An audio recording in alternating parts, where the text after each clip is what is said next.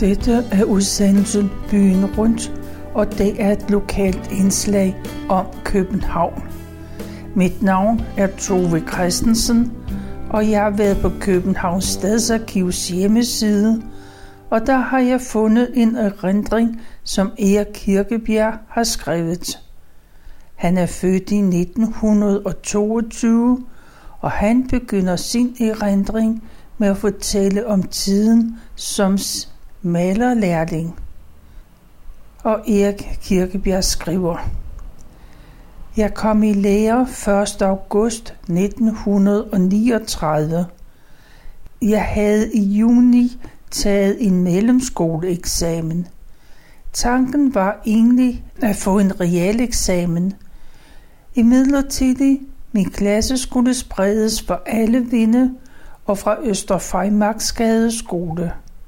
Også dengang var det en dejlig skole. Og jeg skulle så til Holstandsgade skole. Og der havde jeg gået i 4. og 5. klasse og nærede absolut ingen ønsker at komme tilbage igen. Det var på de tider, hvor vi stod over for den anden verdenskrig, hvor der var meget svært at få en læreplads. At jeg valgte malerfaget lå vist nærmest deri, at en af mine gamle spejderfører var malermester. Desuden havde han farvehandel, så i mine uerfarne øjne så det spændende ud. Klokken 07 en strålende augustmorgen startede jeg så min karriere i malerfaget. Min alder var 16 år.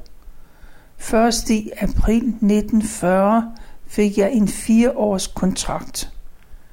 Min samlede læretid den blev fire år og otte måneder. De første 20 måneder fik jeg 5 kroner om ugen. Heraf fik min mor de fire. Så var der en krone til mig. Andet år var der 7 kroner, så både mor og jeg steg med 1 krone. Og tredje lægeår fik jeg 9 kroner, og der en krone stigning både til mor og mig. Og det sidste år så krøb lønnen helt op på 13 kroner, og det gav 9 kroner til mor og 4 til mig. Jo, det var tider dengang. Min første læretid foregik på Frederiksberg i en ejendom på Hollændervej. Den blev moderniseret, centralvarme, nyt køkken og badeværelse og parketgulve. Der boede ingen i ejendommen, så det var et primært sted for at lade en nybegynder starte. Jeg har stadig en tydelig erindring om den første dag. Jeg blev sat til at vaske limfarve af på væggene på køkkentrappen. Og nej, hvor jeg svinede både mig selv og trappen. Vandet løb fra penslen, der var en gammel slidt loftanstryger, og vandet løb ned af mine arme og havnede via mine ben i skoene. Og efter denne vandpantomime blev jeg beordret ind i en af lejlighederne, hvor der skulle renses tapet af. Og hvor blev jeg dog træt, både af det uvante arbejde og af al den varme.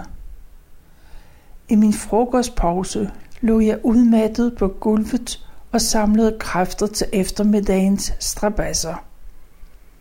Jeg gik i bygningen sammen med to spænde, en ung og en ældre. Jeg fandt senere ud af, at ingen af dem var verdensmester i at give instruktion i, hvordan de forskellige processer skal udføres. Den unge, han hed Henry, han havde været udlært i et par år. Jeg fandt hurtigt ud af, at hans største interesse, det var damer og øl. Et års tid senere blev han gift og fik lejlighed. Han fik mig lokket med til at male den om aftenen, og jeg skulle få så og så meget, men han snød mig, den gode Henry. Og det var mit første økonomiske øretæve som maler, men ikke den sidste. Den ældre, som jeg vil tro har været omkring de 40 år, hed Hansen. Han var en venlig natur og ikke meget talende. Han ankom dagligt på en gammel Nimbus med sidevogn. De første fire måneder af min læretid så jeg kun to svende samt mester, som stillede med løn og diverse materialer. Mester, som var født i år 1900, var en lille, men meget korpulent, og han var en venligt udseende mand. Han kørte i en Ford. Det var meget moderne. Han kunne med nød og næppe nå at se ud over instrumentpanelet og ud over det vældige kølerparti. Han var ungkal, men absolut ikke kvindehader. Han var en ret så velhavende ejer af en ejendom samt medejer af to eller tre andre ejendomme. Han var også indehaver af et pragtfuldt blokhus, som lå ved stranden i Hundie, og slutlig må jeg ikke glemme, at han i skovsåret havde en dejlig sejlbåd liggende. Min mesters far, som var kommet fra Sverige, havde bygget malerforretningen og maler handlen op.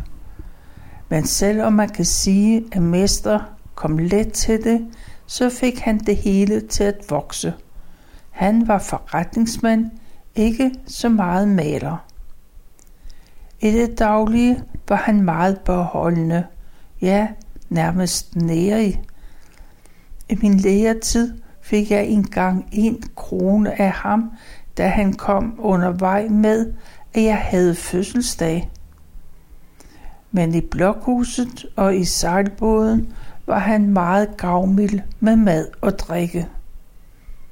Som arbejdsdagene gik med arbejde fra klokken 7 til klokken 16, også om lørdagen, på Hollandervej, så begyndte jeg ligesom at falde lidt til.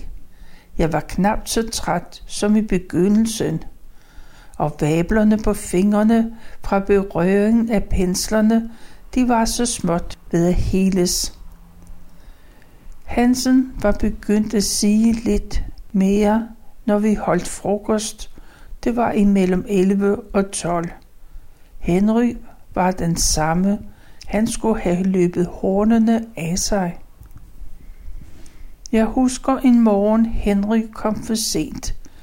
Det gjorde han nu ofte, men netop den morgen var min erindringsværdig.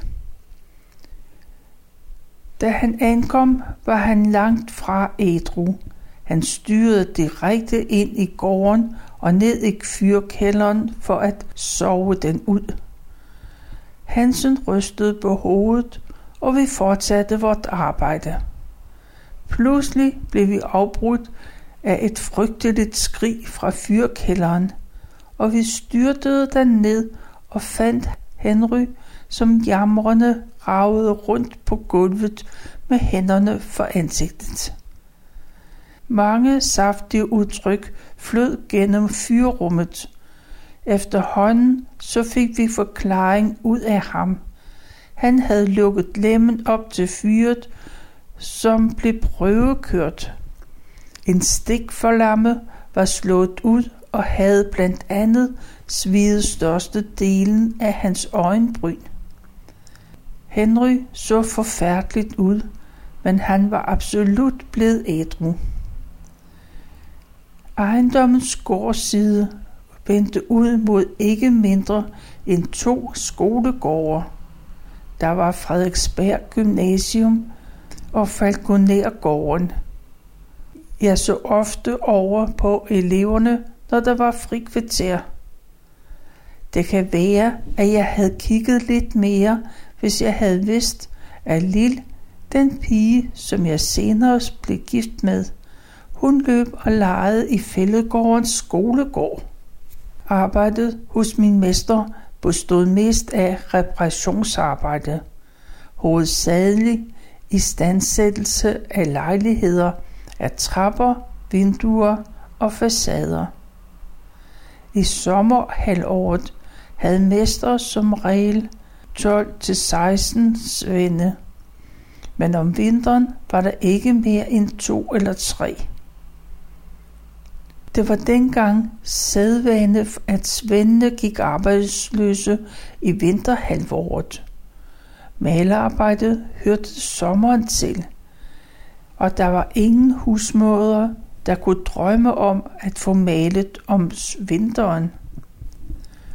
Som før nævnt havde mester også farvehandel.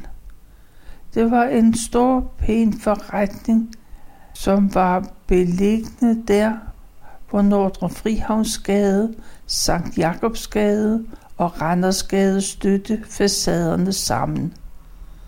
Forretningen ligger der nu, om en den ser noget anderledes ud. Da mester jo ikke kunne være bundet til forretningen hele dagen, havde han en bestyrer ved navn Sørensen. Han blev bare kaldt for Søren. Søren kunne jeg lige fra første gang jeg så ham. Han var en høj, mørk mand. Hans alder dengang må have været midt i 40'erne.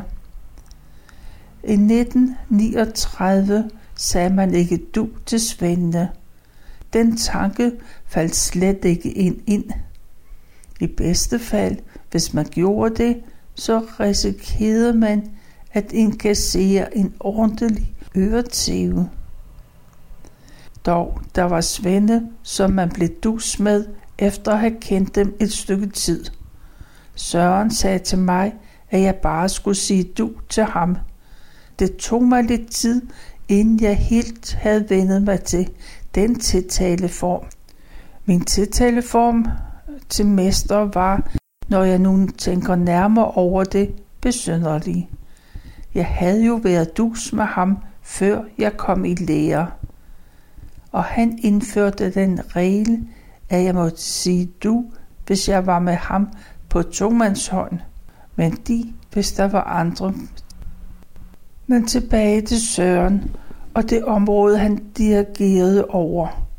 Farvehandlerens indgangsdør førte ind til et stort hjørnelokale med en disk, hvor der stod en vægt på, en kasse med lodder og et stort nationalt kasseapparat med håndsving. Rundt langs væggene var der reoler med diverse maling, men slet ikke det udvalg, som man ser i dag.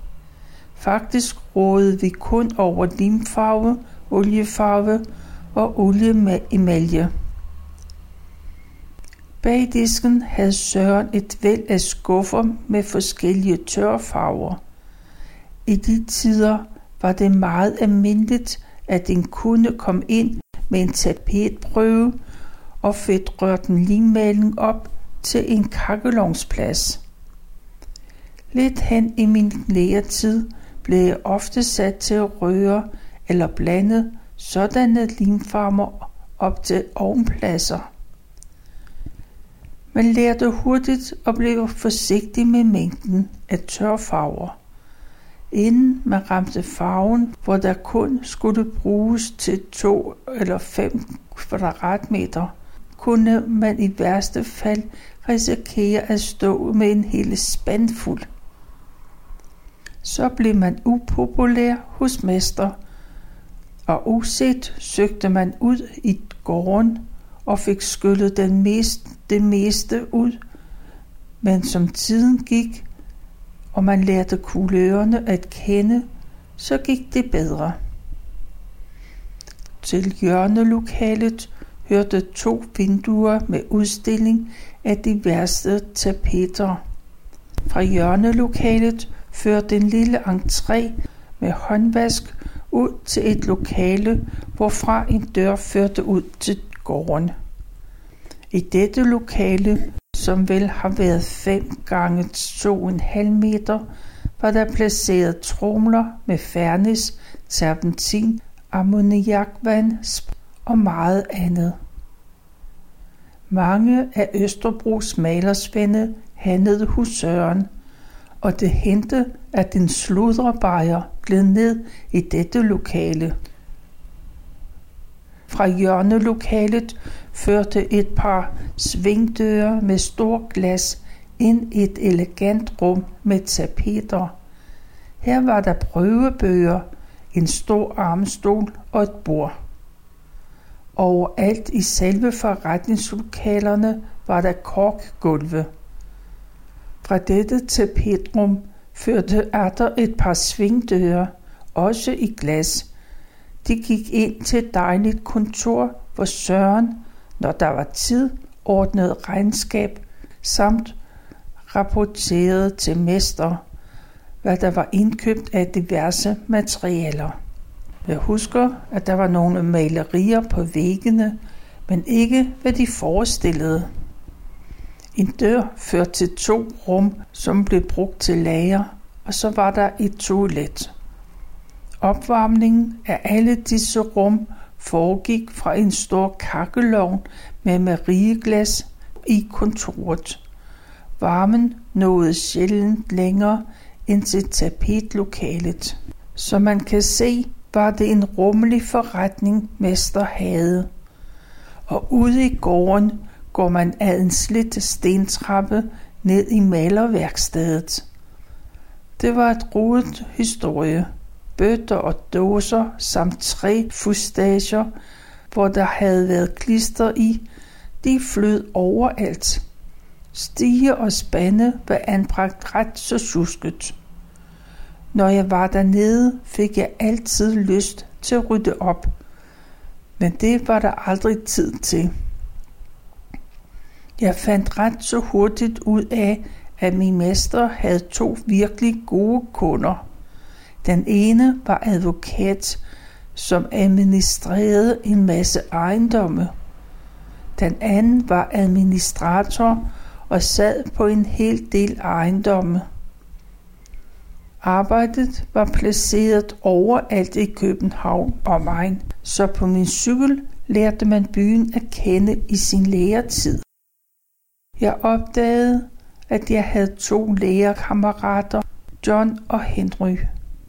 Henry var på samme lærertrin som mig, og John derimod, han var tredje års lærling.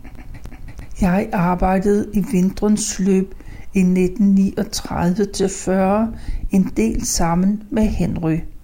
Han var en frisk fyr, næsten for frisk, men til at begynde med, tror jeg, Mester synes godt om ham. Han var den hurtige type, men ikke videre samvittighedsfuld.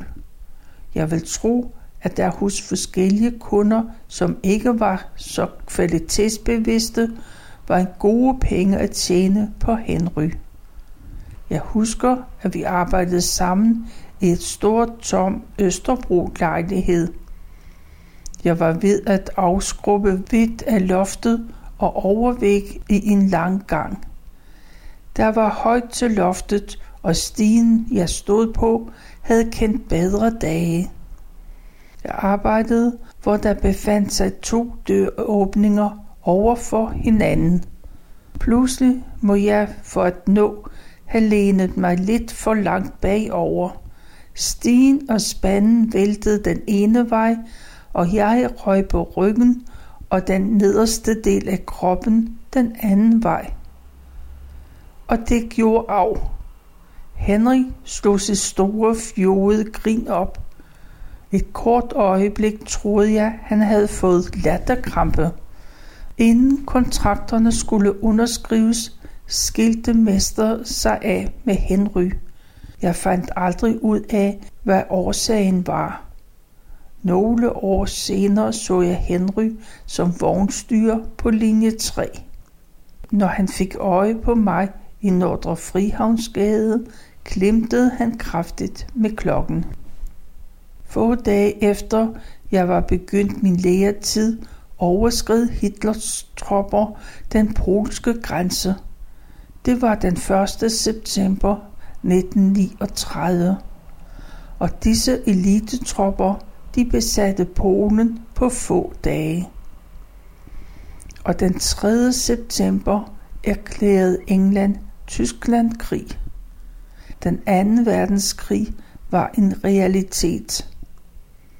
Jeg tror ikke, at der var mange, som troede, at denne krig ville komme til at strække sig over ret lang tid.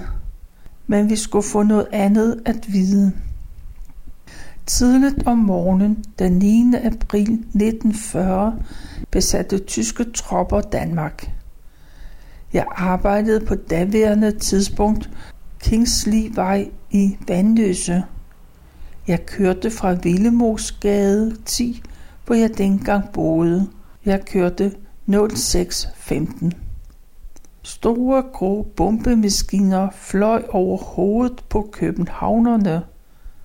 Fra maskinerne blev der kastet løbesedler ned, hvor der stod, at landet var blevet besat, og at vi skulle forholde os i ro og orden. Det var en mærkelig fornemmelse af at køre på sin cykel med alle de lavt flyvende bombemaskiner over sig. Lidt op ad formiddagen kom mester ud efter mig. Jeg skulle hjem og hjælpe til i forretningen. For inden var vi nede ved lange linjebroen for at se på de tyske tropper. Det var lidt beskæmmende, at vi sådan kunne blive besat, uden at det så at sige blev løsnet et skud, med undtagelse af Sønderjylland. Den tyske overkommando deklarerede omgående, at der skulle være total mørklægning fra samme dags aften. Da klarmesterne jo ikke med så kort varsel kunne skaffe sorte rullegardiner, så strømmede folk til tapetforretningerne og købte mørkt tapet. Til alt held var mørke tapeter på mode på den tid. På gader og veje sås travle mennesker med sortbrune tapetruller under armen samt æsker med tegnestifter.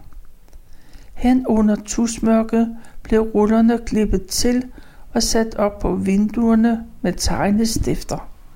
Om dagen blev banerne taget ned og så sat op igen om aftenen. Og denne operation gentog sig lige til glarmestrene og farvehandlerne kunne levere sort mørklægningsgardiner efter mål.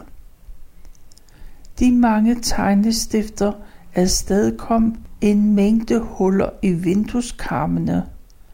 Ja, efter krigens ophør kunne man ofte ikke genkende til disse huller, der stammede fra 9. april, når man malede vinduerne. Travlt fik vi også med at kalke beskyttelsesrum. Hver ejendom fik indrettet et beskyttelsesrum i kælderen, og kælderen, ja, de så nærmest frygtindgydende ud. Mange små rum blev lavet om til et stort. Væggene var sorte af kulstøv og spindelvæv. Her kom vi malerlærninge ind i billedet. Afstøvning og to gange kalk gjorde underværker. Til hver ejendom blev der udnævnt en husvagt, som om aftenen stod nede på gaden og i gården, og han undersøgte mørklægningen, om den var i orden. Ligeledes havde husvagten tilsynet med beskyttelsesrummet. Han skulle sørge for, at der var vand og sand til bekæmpelse af en eventuel brand. Og så skulle husvagten også tilse, at alle beboere kom ned i beskyttelsesrummet. Der var nok at se til. Jeg husker første gang sirenerne lød. Min mor, min bror og jeg kom hurtigt i tøjet. I en fart greb vi det grej, vi havde klar med øje for et længere ophold i kælderen. Grejet bestod af proviant, tæpper, vand, læsestof, sygtøj og meget andet. Da man havde prøvet det i nogle gange, uden at der var sket noget, så tog man lidt lettere på det. Tømmerne fik også travlt tid med tilflugtsrummene, i det alle rum blev afstivet med solidt tømmer.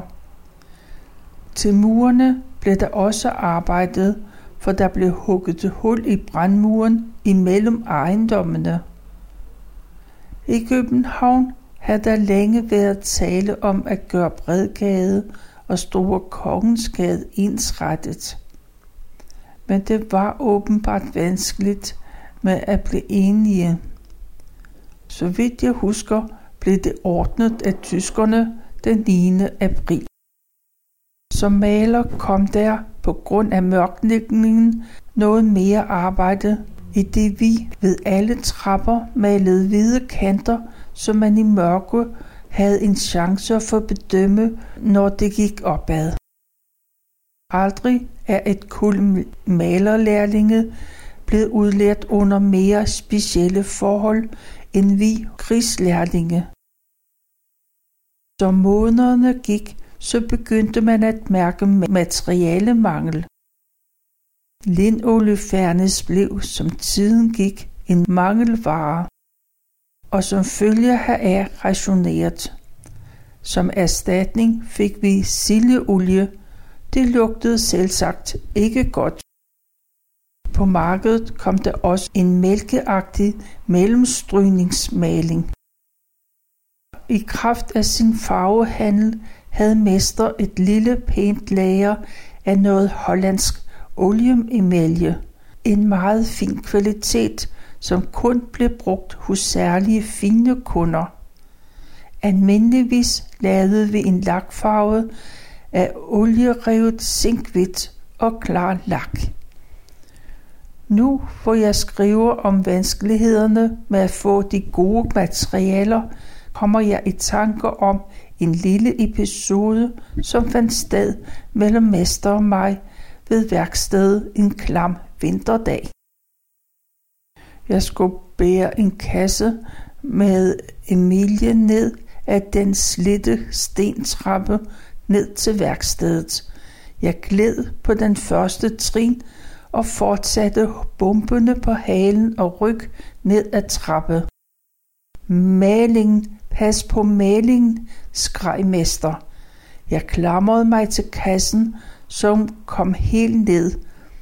Det samme gjorde jeg, om end jeg var godt øm i flere dage efter. Mesters reaktion, forholdene taget i betragtning, var måske forståeligt, men jeg synes nu godt, at han lige kunne have spurgt om, hvordan mit læme havde det. Men ok, han så, at jeg rejste mig op, og jeg kunne gå. Den 9. april var jeg om aftenen på Nørrebro Bio sammen med et par af mine spejderkammerater. Vi så den engelske film det ligger i luften med komikeren Josh Formby. Næste dag var alle engelsksprogede film fjernet fra biograferne. Vores cykellygter var malet over med en blå farve, og det samme gjaldt sporvognens forlygter. Ligeledes var der trukket gardiner for i sporvognene. Byen var meget mørk, da vi kørte hjem. Vi anede, at vi gik en mørk tid i møde. Ikke alene hvad belysning angik. 1. april, ni dage før besættelsen, trådte min fire års lærlingekontrakt i kraft. Det var lang tid at se frem dengang, og jeg mindes min mors flotte underskrift og min mesters knap så flot. Og det her, det er så langt i Kirkebjerg.